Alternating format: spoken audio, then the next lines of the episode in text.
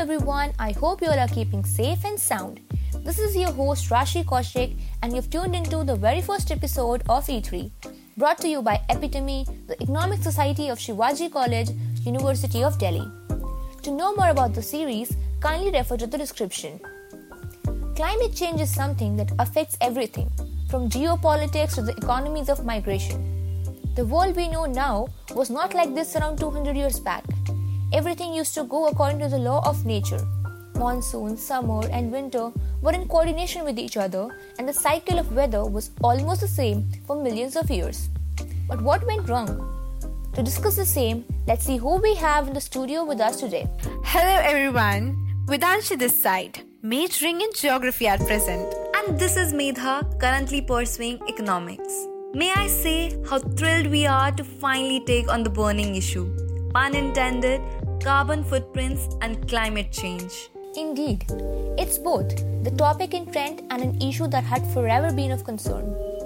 Moving on, what exactly are carbon footprints and how are they related to climate change to start with? To put it simply, just like an actual footprint, it's a mark you leave on the environment. Of course, not with your shoes, but every action that releases greenhouse gases, primarily carbon dioxide. Now, when I say that, the very first action that might come to your mind is a flaming fossil fuel. You're absolutely right, my dear friends. The more fuel you use, the bigger your footprint is. These activities could vary from something as evident as burning fuel in industries to something so negligible to attending online classes. Footprints are expressed as numbers in carbon dioxide equivalents, it's almost horrifying how enormously the carbon footprints of the world have been increasing over the years. In addition to what Vedanshi said, statistically speaking, the carbon emissions never actually went down even after the Industrial Revolution. Emissions from India today rank third in the global list contributing 6.8% of the total global emissions. India's contribution, however, is comparatively low when developed countries such as the United States are taken into consideration. A study from 2019 stated developed countries that are home to almost one fifth of the global population are responsible for 60% of the total carbon emissions alone we can find a somewhat similar divide in India as well. The top 20% of high expenditure households in India are responsible for seven times the emissions traceable to the poor who spend less than 140 rupees a day. Well, this explains how, with the opportunity to increase the quality of life, human tendency is to switch to higher standards, adding more to the carbon emissions. Or, in other words, depleting the quality of life. Ironic, isn't it? Right. Directly or indirectly, what roti, kapra, makan, and gari we choose to use, our basic lifestyle plays a crucial role in how we control carbon emissions. Take this for an example.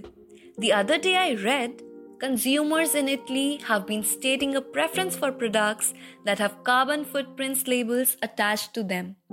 Now imagine if all the consumers become this conscious, what position does it put industries in? To protect the climate or their consumer base, should I say, there's the three step mantra that some companies today are going by. Firstly, they calculate their carbon emission generated. Then, they reduce them by analyzing the worst indicators. Lastly, they offset the footprints left.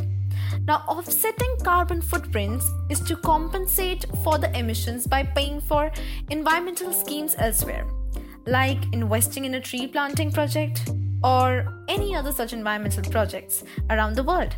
That balances out carbon footprints and neutralizes the impact. Overall, this not only positively affects the climate but also creates a great impression on the stakeholders.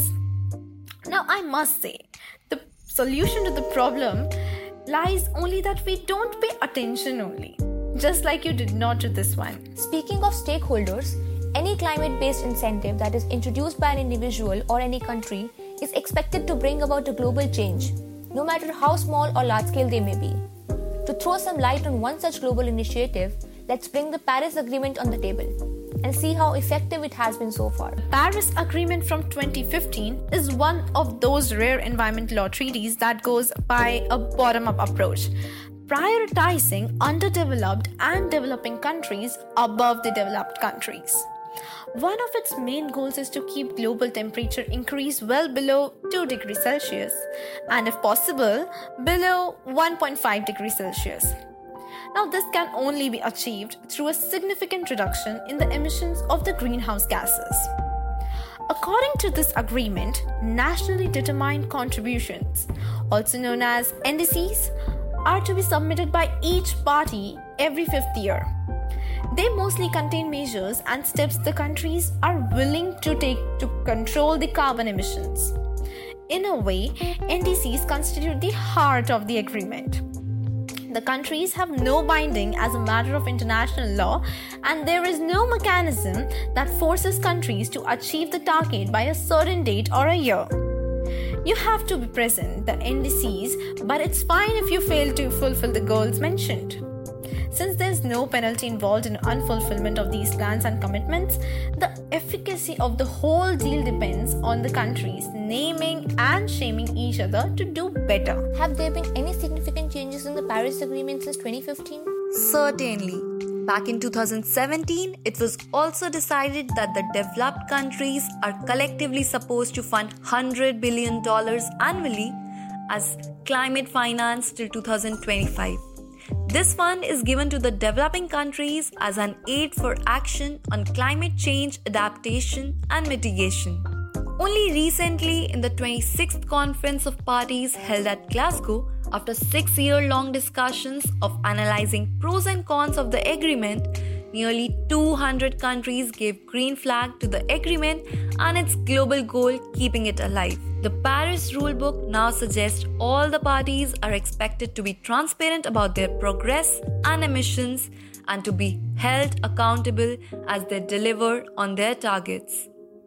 Although it is still possible that many countries are bound to get free rider benefits, since they can continue to enjoy the positive outcome of global efforts regardless of how minimal their contributions may be. In addition to this, experts also fear the credibility of data presented by countries, which can be very well manipulated to hide the emissions and failures. To be honest, it's almost unrealistic to not have conflicts of interest in a nation, let alone the expectation of the entire world cooperating to achieve a common goal of climate change. As you earlier mentioned, the Glasgow Conference we read that our respected Prime Minister, Mr. Narendra Modi, set some targets, terming them as Panchamrit with the vision of an economy with net zero carbon emissions. Now that the annual budget has also been released, how does the progress towards these targets look? Let me first brief you about what the net zero target exactly means. It is the target of completely removing the amount of greenhouse gases that are produced by human activities. This is expected to be achieved by reducing the emissions and implementing methods of absorbing carbon dioxide from the atmosphere to an extent where the emissions produced and absorbed are equal, ultimately giving a net zero result. After the Glasgow conference, it was highly likely for a climate dedicated budget to be introduced. The budget 2022, tabled by Union Finance Minister Nirmala Sitharaman, laid stress on the impact of climate change and definitely acknowledged the climate crisis. We see some long term investments as the budget proposes to facilitate domestic manufacturing of 280 gigawatt of installed solar capacity by 2030 along with a huge allocation for production linked incentives for manufacturing of high efficiency solar PV modules. But in some sectors, we didn't see any clarity on climate action. There sure is allocation for a future with electric vehicles, which, by the way, is not very easily affordable for a large section of India's population. Alternatively, the budget could have focused on equitable, clean urban transportation, which would have been more viable. Other such allocation made in the budget is to boost organic farming. But again, we see no steps towards reduction in chemical fertilizer subsidies. Still, there's hope.